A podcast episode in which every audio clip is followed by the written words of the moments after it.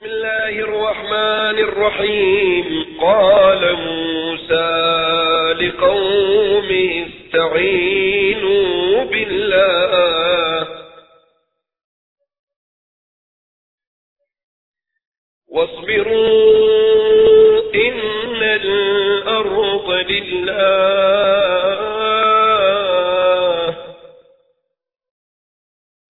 يورثها يشاء من عباده.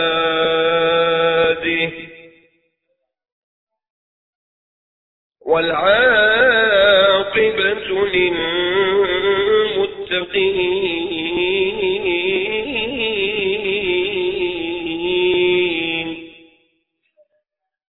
أطروا أفواهكم بذكر الصلاة على محمد وآل محمد.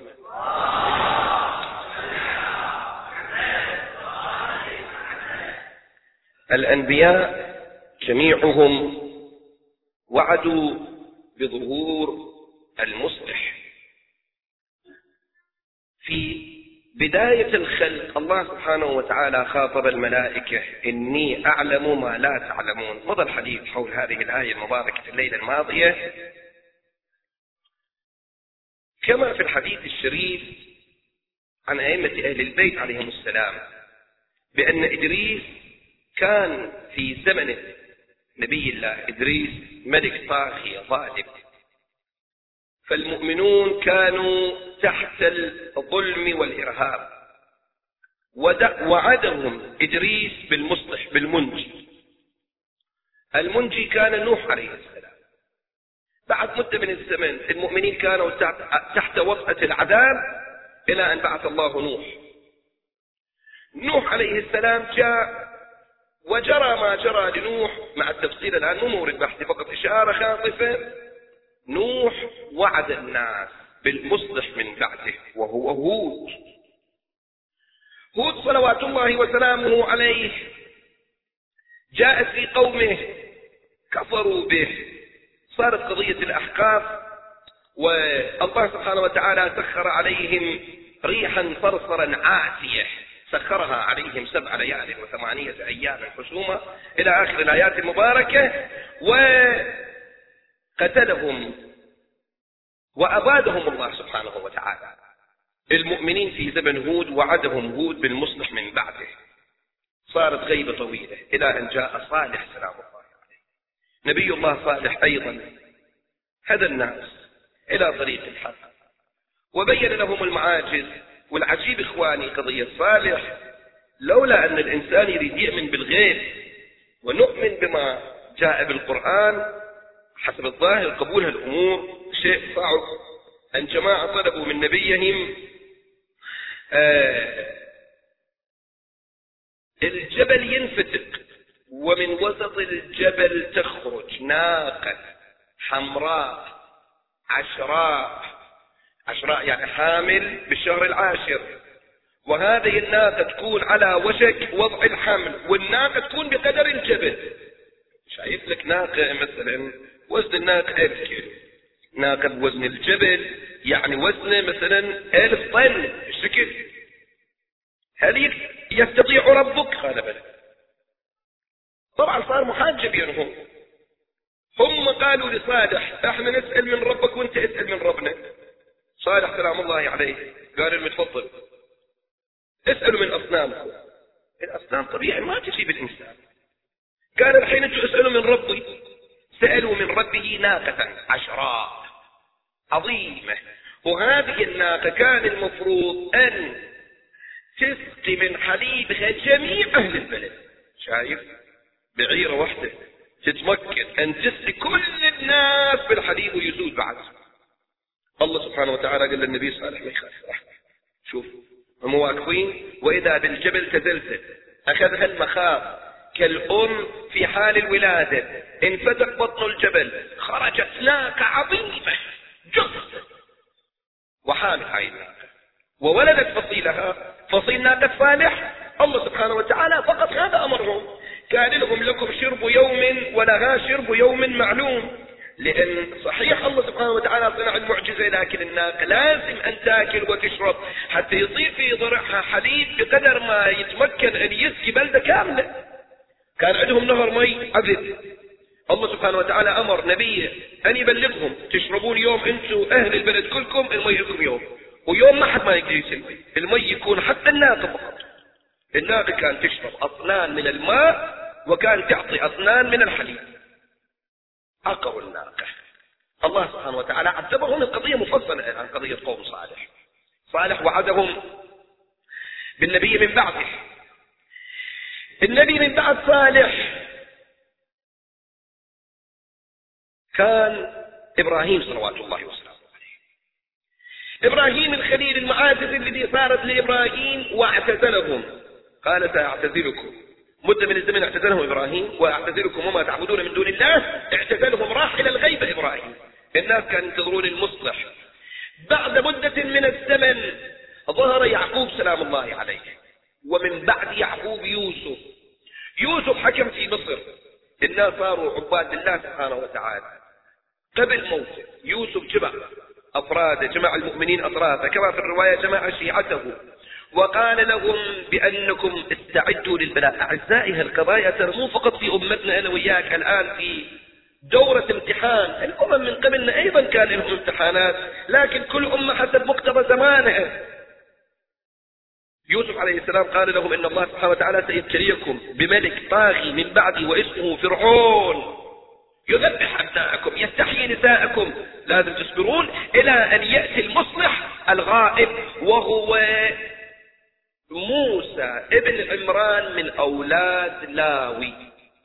من أولاد يعقوب زين صار ما صار المصائب الذي جرت على بني إسرائيل وهي تحتاج إلى شهر كامل واحد يتحدث في قضية موسى سلام الله عليه. كان يذبح الأولاد استجيروا بالله. مئة آل امرأة حامل فتقوا بطنها وأخرجوا ولدها وكان يذبحون الولد. يذبح أبناءهم. ويستحيي نساءهم إلى أن ظهر المصلح وقضية موسى بن عمران إخواني من الألف إلى الياء في موسى كل معاجز حقيقة حياة موسى كل معاجز ولادة موسى كان بالمعجزة. حمل موسى كان بالمعجزة. أمه لما حملته ما كان ظاهر على بصرها شيء حمل موسى كان بالمعجزة. حينما ولدته أمه القابلة التي كانت تجي عند النساء الحوامل كانت مأمورة من قبل الأمن من قبل أمن فرعون. فتعرف إذا الحامل جابت ابنية تختلف إذا جابت ولد تختلف أم موسى سلام الله عليه لما ولدت موسى. الله يقول وألقيت على إخواني الأمور بيت الله. القلوب يا مقلب القلوب بيت الله. وألقيت عليك محبة مني ولتصنع على عيني. الله يقول أنا أشوف حركاتك يا موسى. لا تخاف. زين. الله ألقى محبة موسى في قلب القا... ال... ال... ال... ال... القابلة. القابلة تريد تروح تخبر شو ما تقدر. لسانها صارت كيف. تحب حفاظ طفل ينذبح من الذي جعل حب موسى في قلب القابل الله. قالت للأم أنا ما راح أخبر. إجوا الجلاوز سئلوا ها شنو كان؟ زوجة عمران ماذا جابت؟ قال لهم ما ولدت شيء خرج منها مقدار من الدم وخلاص ما ما عدت وأوحينا إلى أم موسى أن أرضعيه. كانت ترضع هذا الولد. أسبوع رضع من أمه. لذة حليب الأم. شاف موسى فإذا خفت عليه. الأم خافت. كانت خاف. وحليب الخوف الإنسان المرأة الأم الأم المرضعة في حال العصبية غلط أن ترضع الولد. إذا عندك زوجة مرضعة وصارت عصبية أو نعوذ بالله وصل لها فرد خبر مفجئ لا ترضع لأن الحليب يصير سم. كانت خائفة فألقيه في اليم. اليم هنا مو يعني البحر. واحدة من استعمال العام في مورد الخاص هذا. اليم يعني البحر معنى لكن هنا يعني نهر النيل. ألقيه في اليم. طيب. أم موسى اجت وين تروح؟ راحت عند رجل اسمه يوسف النجار. تعال يا يوسف سوي لنا صندوق. صندوق لا يدخل فيه المي. سألها لأي شيء؟ هو أيضا كان جاسوس من قبل الأمن لأي شيء؟ قالت أمانة ما تقول لأحد؟ قال لا. دائما الناس تشتكي بني آدم. يقول له أمانة. تحفظ الأمانة. يقول إيه؟ تكرم عينك بس تقول يروح قالت له أمانة. قال إيه؟ حاضر. سوى لها صندوق أعطاها الصندوق. راح. عند فرعون دخل عند فرعون. زين منو الذي خالق يوسف النجار؟ الله. ومنو الذي أعطاه اللسان؟ الله. الله أخرسه دخل على فرعون يريد يدخل سأل من الجلاوز عندي. سادة بس دخل عند فرعون يريد يحكي؟ انصك لسان ما يقدر يحكي. فرعون قال له تكلم. كل ما يريد يحاول أن يحكي ما يقدر. قال طردوه اللعين هذا إيش عنده هذا داخل عندي أخرس صار عبر راح البيت رجع شاف لسانه طلق يقدر يحكي.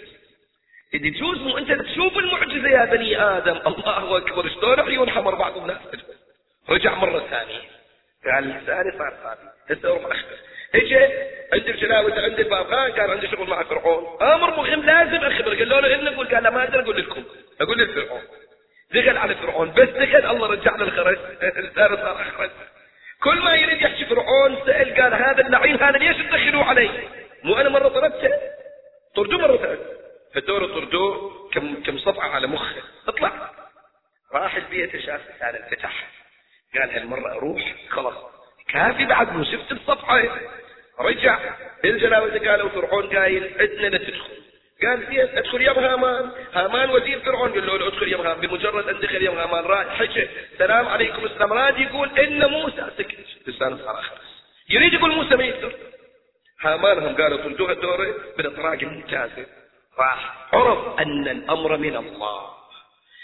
عزيزي الله سبحانه وتعالى جعل موسى حتى يبين قدرته كل شيء بيده. أزمة الأمور طرا بيده والكل مستمدة من مدده. الله سبحانه وتعالى أرسل موسى إلى بيت فرعون. زوجة فرعون تشيل الصندوق وتفتح وتشوف موسى طفل جميل حلو. هم خلوا اسمه موسى. موسى بلغتهم موشى موشى يعني ابن البحر ابن الماء. هذا الولد خلوا عليه اسم موسى. والمرأة اجى فرعون يريد قالت لا. قرة عين لي ولك لا تقتلوه عسى أن ينفعنا أو نتخذه ولدا. الله جعل محبة موسى في قلب فرعون. هاي القدرة. هاي العظمة. بني إسرائيل ينتظرون يا يوم يجي المصلح والمصلح بيد عدوه بيد عدوه ده يتربى. إلى أن كبر موسى القضايا مفصلة وأنجاهم طبعا موسى كان إلى أول غلبة لموسى كان قضية يوم العيد الذي صار. موسى بن عمران عليه السلام أمر. وين؟ قالوا إحنا عندنا يوم العيد. آه، دعا السحرة من كل البلاد جاء السحرة. وجاء السحرة فرعون قالوا أئن لنا لأجرا قال نعم إنكم لمن المقربين كل واحد بيده فألقوا حبالهم وعصيهم وقالوا بعزة فرعون إنا نحن الغالبون. خلوا صارت حياة مقابل موسى فأوجس في نفسه خيفة. موسى البارح بالليل قلت لك ليش موسى خاف؟ وليش إبراهيم ما خاف؟ لأن في ظهر موسى ما كان علي بن أبي طالب. على كل حال موسى أوجس في نفسه قلنا لا تخف إنك أنت الأعلى. أخذ العصاية رمى العصاية تلقف ما صنعوا. موسى تغلب على فرعون. زين. موسى فرعون مدة من الزمن أعطى لموسى الحرية وللمؤمنين مع موسى. في هالمدة قال الملأ الملأ مأخوذ من كده الملأ يعني الملأ يعني المتروس المليان. الملأ يقال دائما باللغة العربية للأثرياء للأغنياء الذين جمعوا الثراء ويخافون على أموالهم. قال الملأ من قوم فرعون أكون هذا مورا ولذلك يقولون ويذرك وآلهتك يعني الأصنام ربنا وربك بعد. رب الرب. هو يقول أنا ربكم. لكن شوف القرآن شلون بدقة يجيب الكلام ويذرك وآلهتك قال سن نقتل أبناءهم ونستحيي نساءهم وإنا فوقهم قاهرون. هاي المرة الثانية موسى عليه السلام قال موسى لقومه استعينوا بالله. شروط الغلبة على العدو ثلاث أشياء. أولا استعينوا بالله. اعرفوا جميع الأمور مرتبطة بالله سبحانه وتعالى. ماكو بيدك شيء الإنسان ولا تخاف من فرعون وأكبر من فرعون. إذا عندك رابطة مع الله الله بالقرآن يقول إن الله يدافع. يدافع عن الذين آمنوا. فيكون عندك خوف بقلبك أنت المؤمن. هذا واحد. قال موسى لقومه استعينوا بالله. هذا واحد. الشيء الثاني واصبروا. هذا الشيء الثاني إن الأرض لله يورثها من يشاء من عباده. الشرط الثالث عليكم يا قومي والعاقبة للمتقين. يعني اتقوا الله. الكلام في هذه الآية المباركة. قال موسى لقومه استعينوا بالله واصبروا إن الأرض لله. كل الأرض. الأرض يورثها من يشاء من عباده. كل الأرض سيأتي يوم. ذلك اليوم المؤمنون يرثون الأرض والعاقبة للمتقين لأهل التقوى واليقين. هؤلاء هم الذين يحكمون على الأرض. اجى رجل سأل من الإمام الباقر سلام الله عليه قال له يا ابن رسول الله شنو معنى هذه الآية؟ الإمام عليه السلام قال عن أبي عن أبي عن أمير المؤمنين علي بن أبي طالب صلوات الله وسلامه عليه قال نحن المتقون والأرض لله يورثها من يشاء من عباده عباد الله أنا وأهل بيت. وخاتمهم هو الإمام الحج سلام الله عليه. في قضية أن الأرض يملأها قسطا وعدلا بعدما ملئت ظلما وجورا وظهور الإمام الحج عليه السلام. إحنا عندنا إخواني ستة آل يعني أكثر من ستة آلاف رواية وحديث عن طرق السنة والشيعة. أجمع الفريقان بأن المصلح سيأتي في آخر هذا الزمان. أنا بالمناسبة الآن ما جايب لك روايات عن طرق الإخوان العامة لا. روايات المعصومين الأربعة عشر عليهم السلام. يعني الثلاثة عشر إلى الإمام العسكري من كل واحد من المعصومين شيل شدة ورد. وإلا هو كل واحد من الأئمة عليهم السلام. عنده كلام مفصل حول الإمام الحجة لكن أنا من كل واحد من عندهم جايب لك كم سطر. وإن شاء الله راح أقرأ لكم هاي الروايات من المعصومين. من رسول الله إلى الإمام العسكري كلهم يعدون بظهور الإمام المهدي سلام الله الأرض لله يورثها من يشاء من عباده. والعجيب أن موسى بن عمران عليه السلام شوف التاريخ شيء عجيب أخوة. موسى كان عنده 11 وصي من بعده. رسول الله عنده 12 وصي من بعده وموسى بن عمران عنده 11 وصي من بعده. موسى يقول ستفترق أمتي من بعدي إلى 71 فرقة. فرقة ناجية والباقي كلهم في النار. عيسى يقول ستفترق أمتي من بعدي إلى 72 فرقة. فرقة ناجية والباقي كلهم في النار. ورسول الإسلام يقول ستفترق أمتي من بعدي إلى 73 فرقة. فرقة ناجية والباقي كلهم في النار. خلي فكرك يمي موسى بن عمران سلام الله عليه في ذلك اليوم.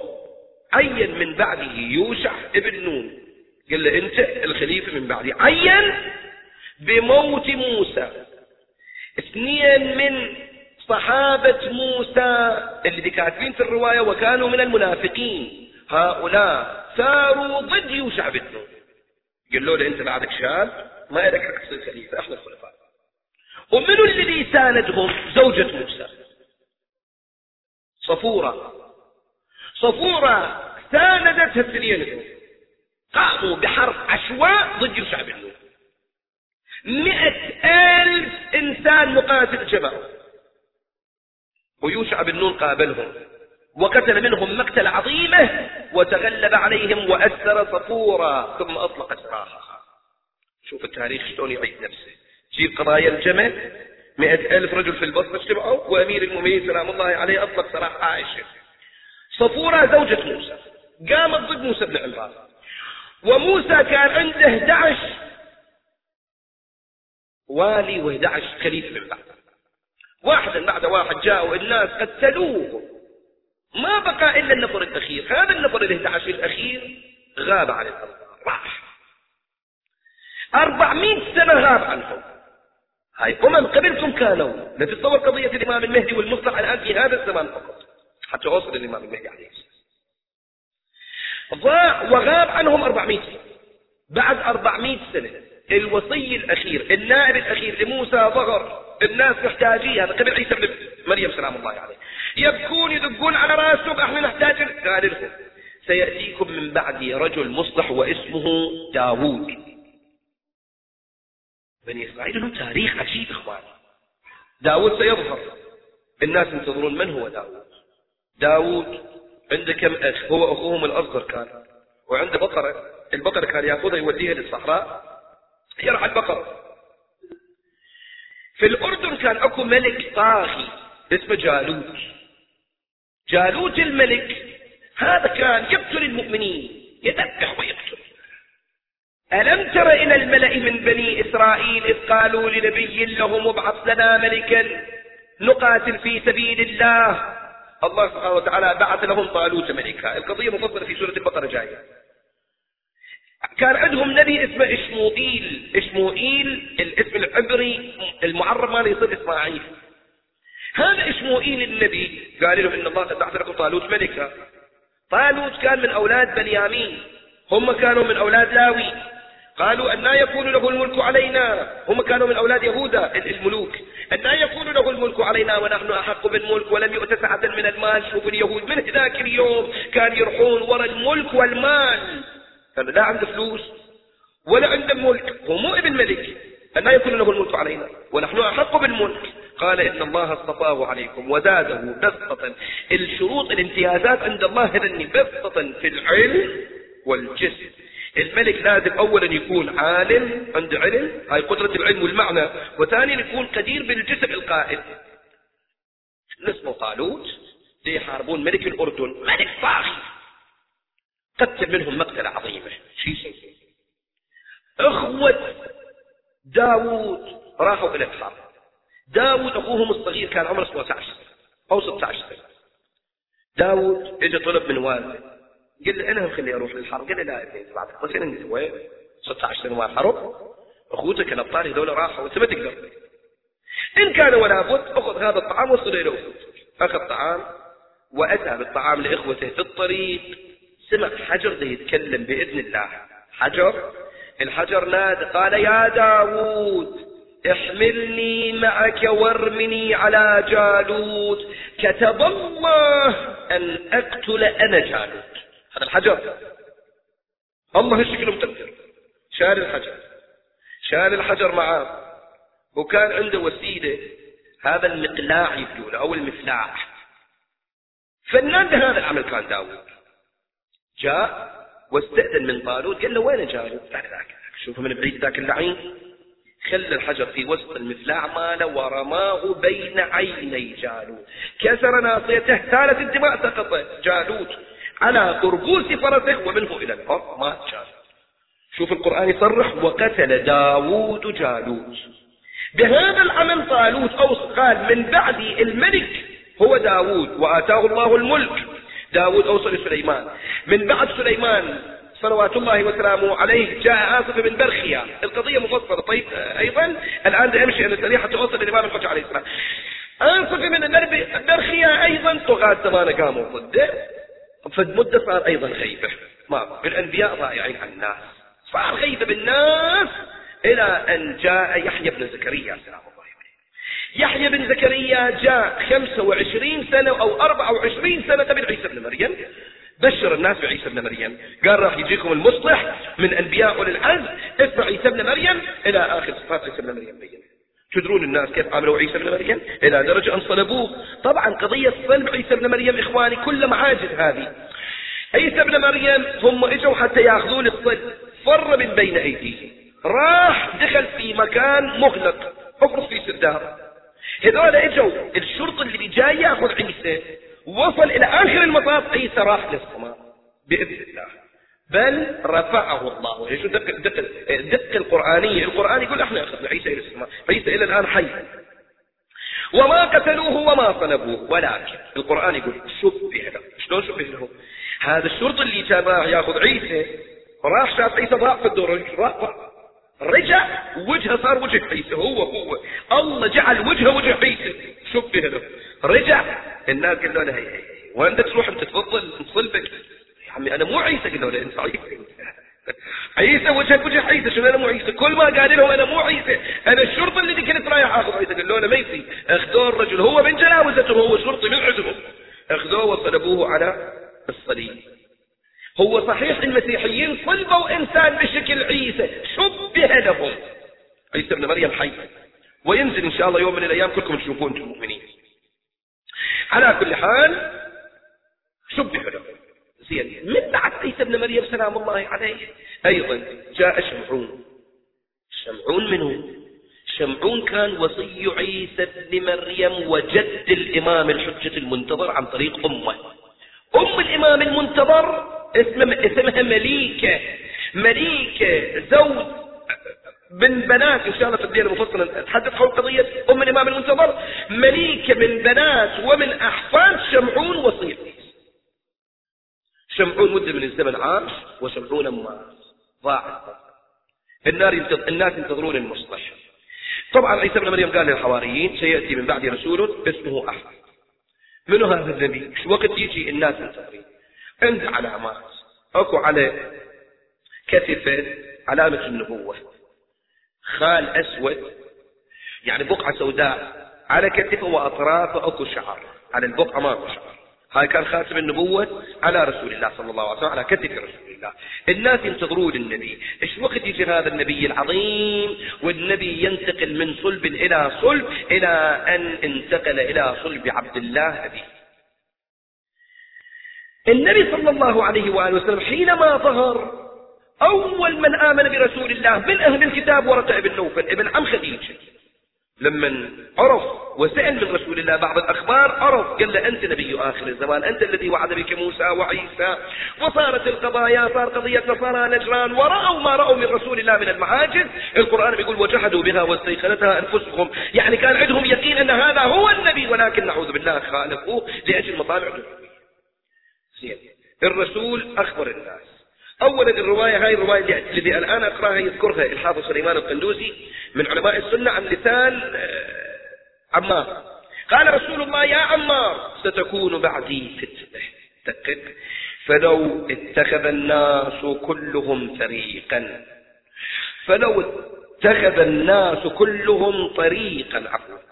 واتخذ علي بن أبي طالب وحده طريقا. فاتبع علي بن أبي طالب فإنه مع الحق والحق مع علي. يدور الحق حيثما دار علي بن أبي طالب عليه السلام.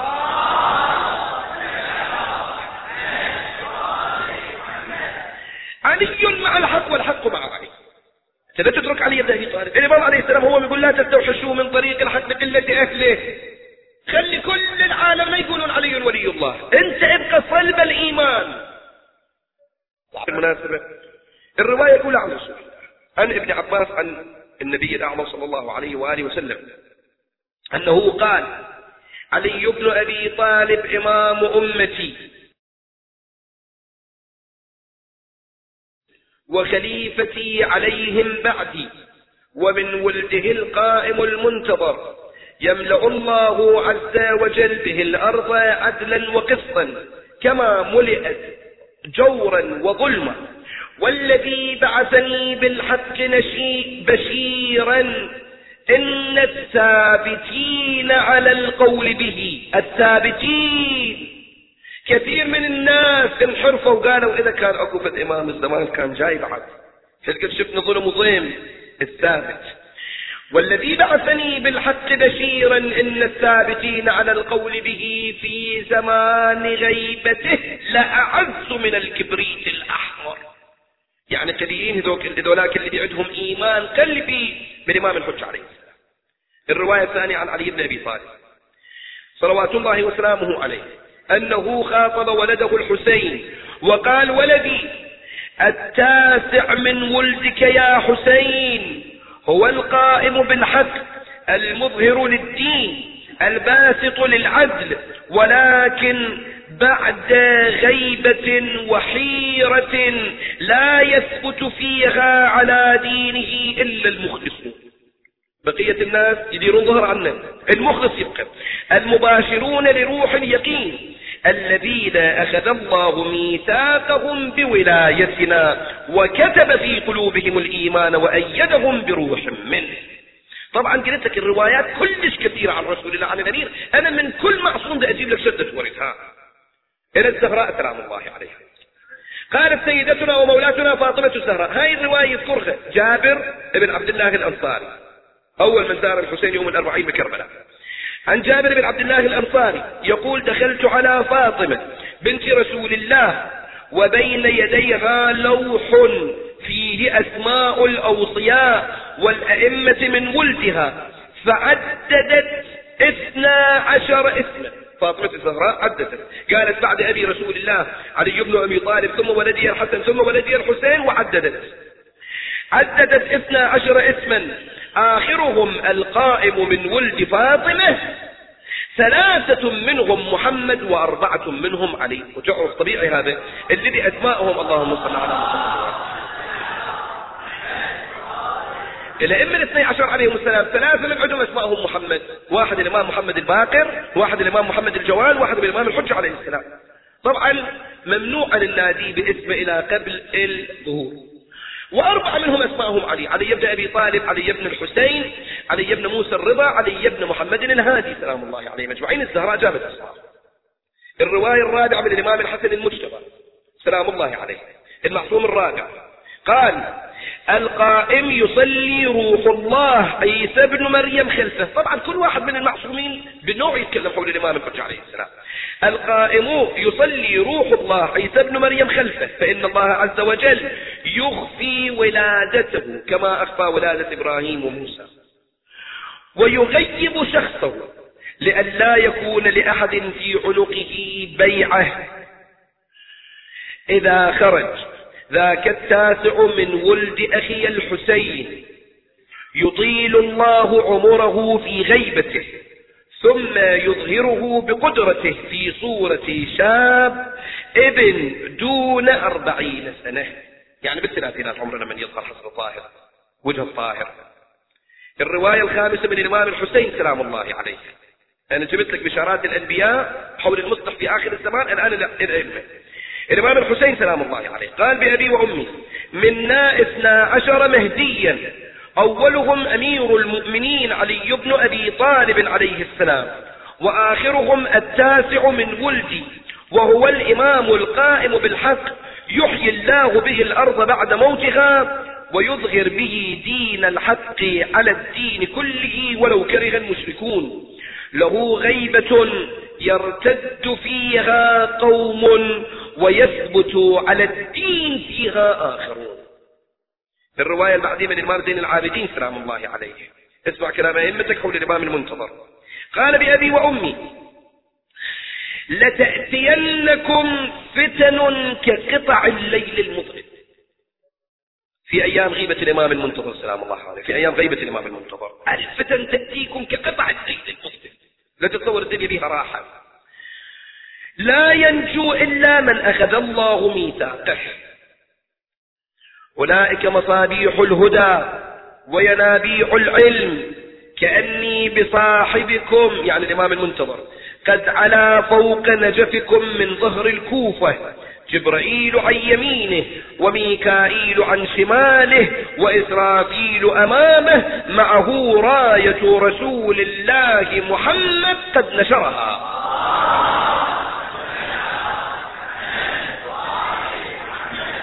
هذا أيضا حول راية الإمام المنتظر. الرواية البعدية من الإمام محمد الباقر عليه السلام. قال بأبي وأمي المهدي من هذه العترة تكون له حيرة وغيبة يظل فيها أقوام من الضلال يعني يروحون ينحرفون ويهتدي فيها أقوام. فيا طوبى لك الإمام يخاطبك الإمام الباقر يقول فيا طوبى لك إن أدركته ويا طوبى لمن أدركه. بريء من المحتوم الذي حتمه الله قيام قائمنا فمن شك فيما أقول الإمام الباقر يقول يقول فمن شك فيما أقول لقى الله وهو كافر. يعني منكر الإمام المهدي كافر. ثم قال السابع من بعدي من بعد الإمام الباقر يصير السابع السابع من بعدي يملأ الأرض عدلا كما ملئت ظلما وجورا. الرواية البعدية من الإمام الصادق عليه السلام. قال بأبي وأمي من أقر بجميع الأئمة وجحد المهدي. كان كمن أقر بجميع الأنبياء وجحد محمد النبوة الذي يقبل كل الأنبياء لكن من يقبل رسول الله هذا كافر. نفس الشيء. الذي يقبل 11 كمان وما يقبل الإمام المهدي عليه السلام كافر. الرواية البعدية من الإمام الكاظم عليه السلام. قال بأبي وأمي يغيب عن أبصار الناس شخصه ولا يغيب عن قلوب المؤمنين ذكره. وبالفعل الآن شخص ما نشوفه إحنا لكن ذكره في قلوبنا. صحيح. وهو الثاني عشر منا يسهل الله له كل عسير ويذلل له كل صعب ويظهر له كنوز الأرض ويقرب له كل بعيد ويبير به كل جبار عنيد. الرواية البعدية من الإمام التاس من الإمام الثامن الإمام الرضا صلوات الله وسلامه عليه قال بأبي وأمي لو لم يبق من الدنيا إلا يوم واحد لطول الله ذلك اليوم حتى يخرج القائم المنتظر فيملأها عدلا كما ملئت جورا. الرواية البعدية من الإمام التاسع الإمام الجواد صلوات الله وسلامه عليه قال إن القائم منا هو المهدي. الذي يجب أن ينتظر في غيبته ويطاع في ظهوره وهو الثالث من ولدي. وإن الله يصلح أمره في ليلة كما أصلح أمر كليمه موسى. ذهب ليقتبس لأهله نارا فرجع وهو رسول النبي. ثم قال الإمام الجواد أفضل أعمال شيعتنا انتظار الفرج. الرواية البعدية الرواية الثانية عشر من الإمام الهادي سلام الله عليه. إمامنا العاشر قال الخلف من بعد ابن الحسن الحسن العسكري. فكيف لكم بالخلف من بعد الخلف؟ الرجل يقول فقلت ولم؟ جعلني الله فداك فقال الإمام الهادي عليه السلام قال لأنكم لا ترون شخصه ولا يحل لكم ذكره باسمه. حرام تجيبه باسمه. لازم تقول الإمام المهدي لازم تقول أبو القائل لازم تقول الإمام المهدي المنتظر. ولا يحل لكم ذكر ذكره باسمه. قلت فكيف نذكره؟ قال قولوا الحج من آل محمد.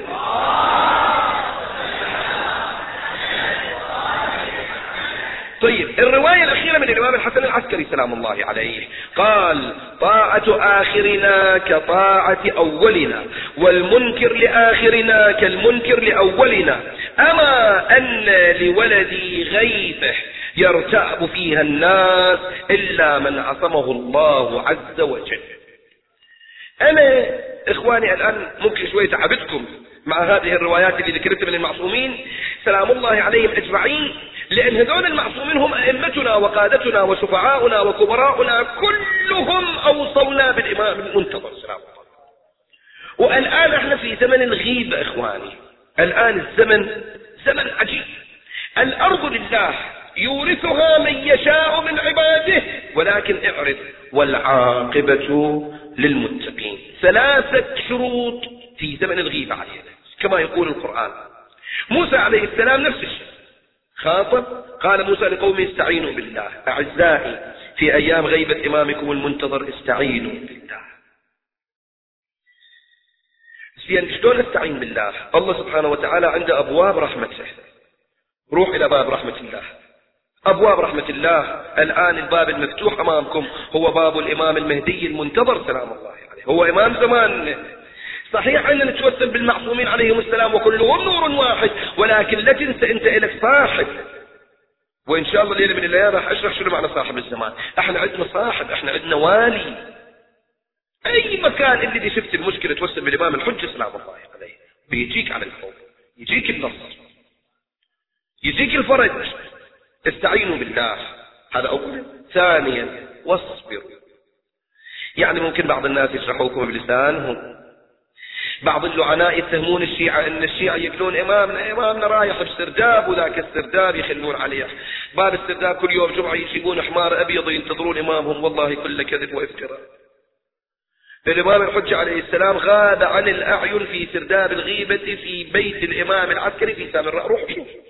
صح الإمام العسكري عليه السلام. أكو سرداب اثنين في اثنين. الإخوان اللي رايحين شايفين. سرداب صغير الإمام عليه السلام غاب في ذلك المكان. بس إحنا ما قلنا إمامنا راح يظهر بالاسترداب وإمامنا 24 ساعة قاعد بالاسترداب الإمام عليه السلام غاب في ذلك المكان. الله سبحانه وتعالى غيبه عن عيون جلاوزة الخليفة الظالم حتى يبقيه ذخرا هذا الرجل هو الذي يحمل رسالات السماء.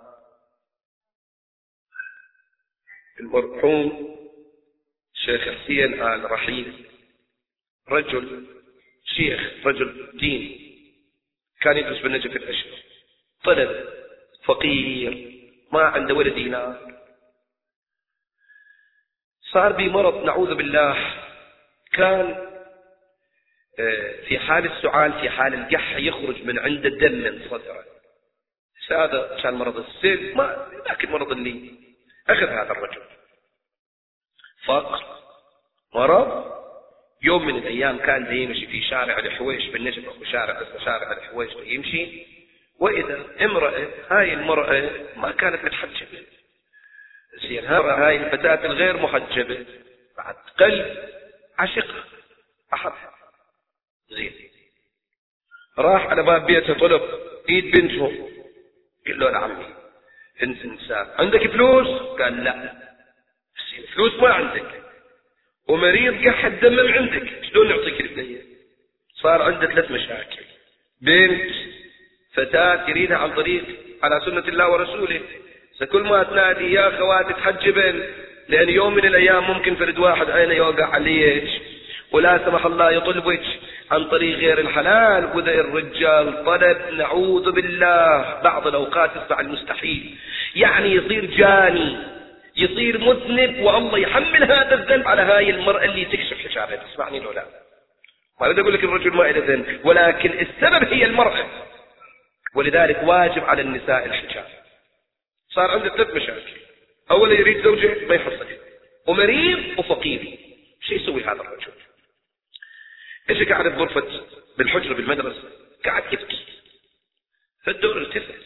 أنا عندي صاحب. إحنا عندنا مولى. وهو الإمام المنتظر سلام الله عليه. أنا ليش بعيد عن إمامي؟ أتوجه إلى الإمام المنتظر.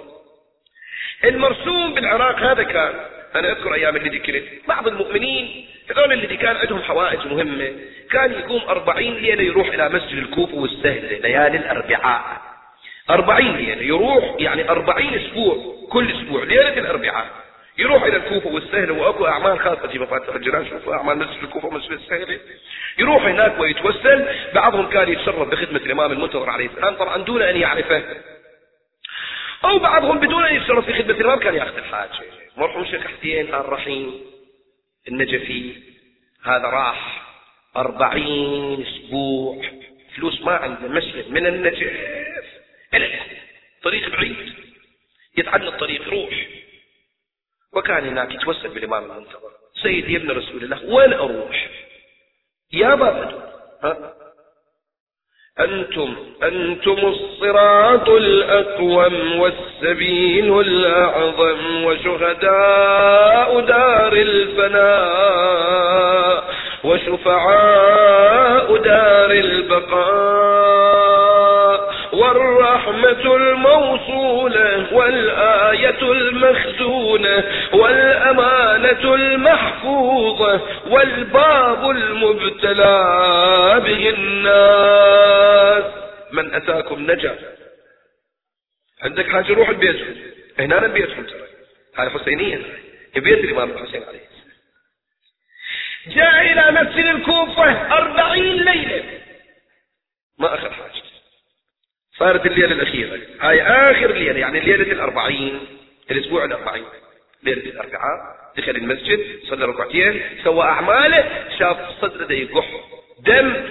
شو يسوي؟ لازم يطلع من المسجد لأن ما يصير يبسط يعني الدم إذا جاء على أرض المسجد حرام. حرام ينقص المسجد. هو رجل جديد يعرف المسألة. طلع. طلع اجى إلى بوابة المسجد. الباب اللي الناس يدخلون هناك عبد رجل قعد. قعد هناك وخلى قوري شوية عليه عفوا شوية أشعل نار على الحطب وخلاه قوري وشوية قهوة. اشتهى يشرب قهوة. يشرب قهوة حتى شوية يرتاح صدره. بمجرد أن حضر القهوة يريد يصب القهوة بالفنجان وإذا شاف رجل حضر عنده. قال له يا شيخ حسين ناولني شيئا من هذه القهوة. الشيخ حسين صبله كريم أعطى. الرجل أخذ قطرة من هاي القهوة شرب رجع له قال له اشرب الباقي. الشيخ حسين شرب الباقي. بالمكان صدره طال كل شيء. ما ترفع صوتك بالصلوات؟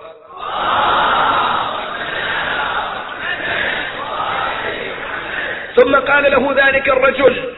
هو ما ملتفت منه هذا الرجل. اولا لم يعرف اسمي. ده يقول له شيخ حسين ناولني القهوة. شرب القهوة وإعطاه الباقي. فرأسا رأسا القحة راحت وصدر صار ساكت قال له يا شيخ حسين أما الفقر فهو من مصلحتك. إنت مو من مصلحتك تصير ثري لأن بعض الناس لما صاروا ثرياء باعوا دينهم. الفتاة ترجع إلى النجف تأخذها. اثنين. وصدرك الله سبحانه وتعالى شاف صدرك. الشيخ حسين نزل راسه حتى يدير له فنجان ثاني التفت شاف ما هو الرجل. لا اله الا الله شرب القهوة قام من مكانه. في الدور شاف لا صدره سالم. زين. رجال فكر في آن. ليكون هذا كان المولى سلام الله عليه. أربعين ليلة أنا أربعين أسبوع وراه. اليوم شفته. وما التفت لا إله إلا الله. هنيئا لك يا شيخ حسين. شاف صدر سالم لكن فلوس ماكو. قال له مو من مصلحتك. رجع إلى النجف الأشرف. رجع بالغرفة شاف أبو البنية واقفة ينتظره قال له شيخ حسين أنا استوت لك رحت اشتكيت عند الإمام المنتظر؟ ليش اشتكيت؟ استحشر قال له تفضل بنتي زوجتك وأنا خادمك بعد. أنت تروح عند الإمام المنتظر. أنا أصير خادمك. بيد حاضر. والزوجة زوجتك. تفضل تزوج على سنة الله ورسوله. أخذ زوجتك. عزيزي يوم اللي شفت الأبواب مغلقة شباب المجلس. الأبواب إذا غلقت أمامكم ترى أكو باب واحد.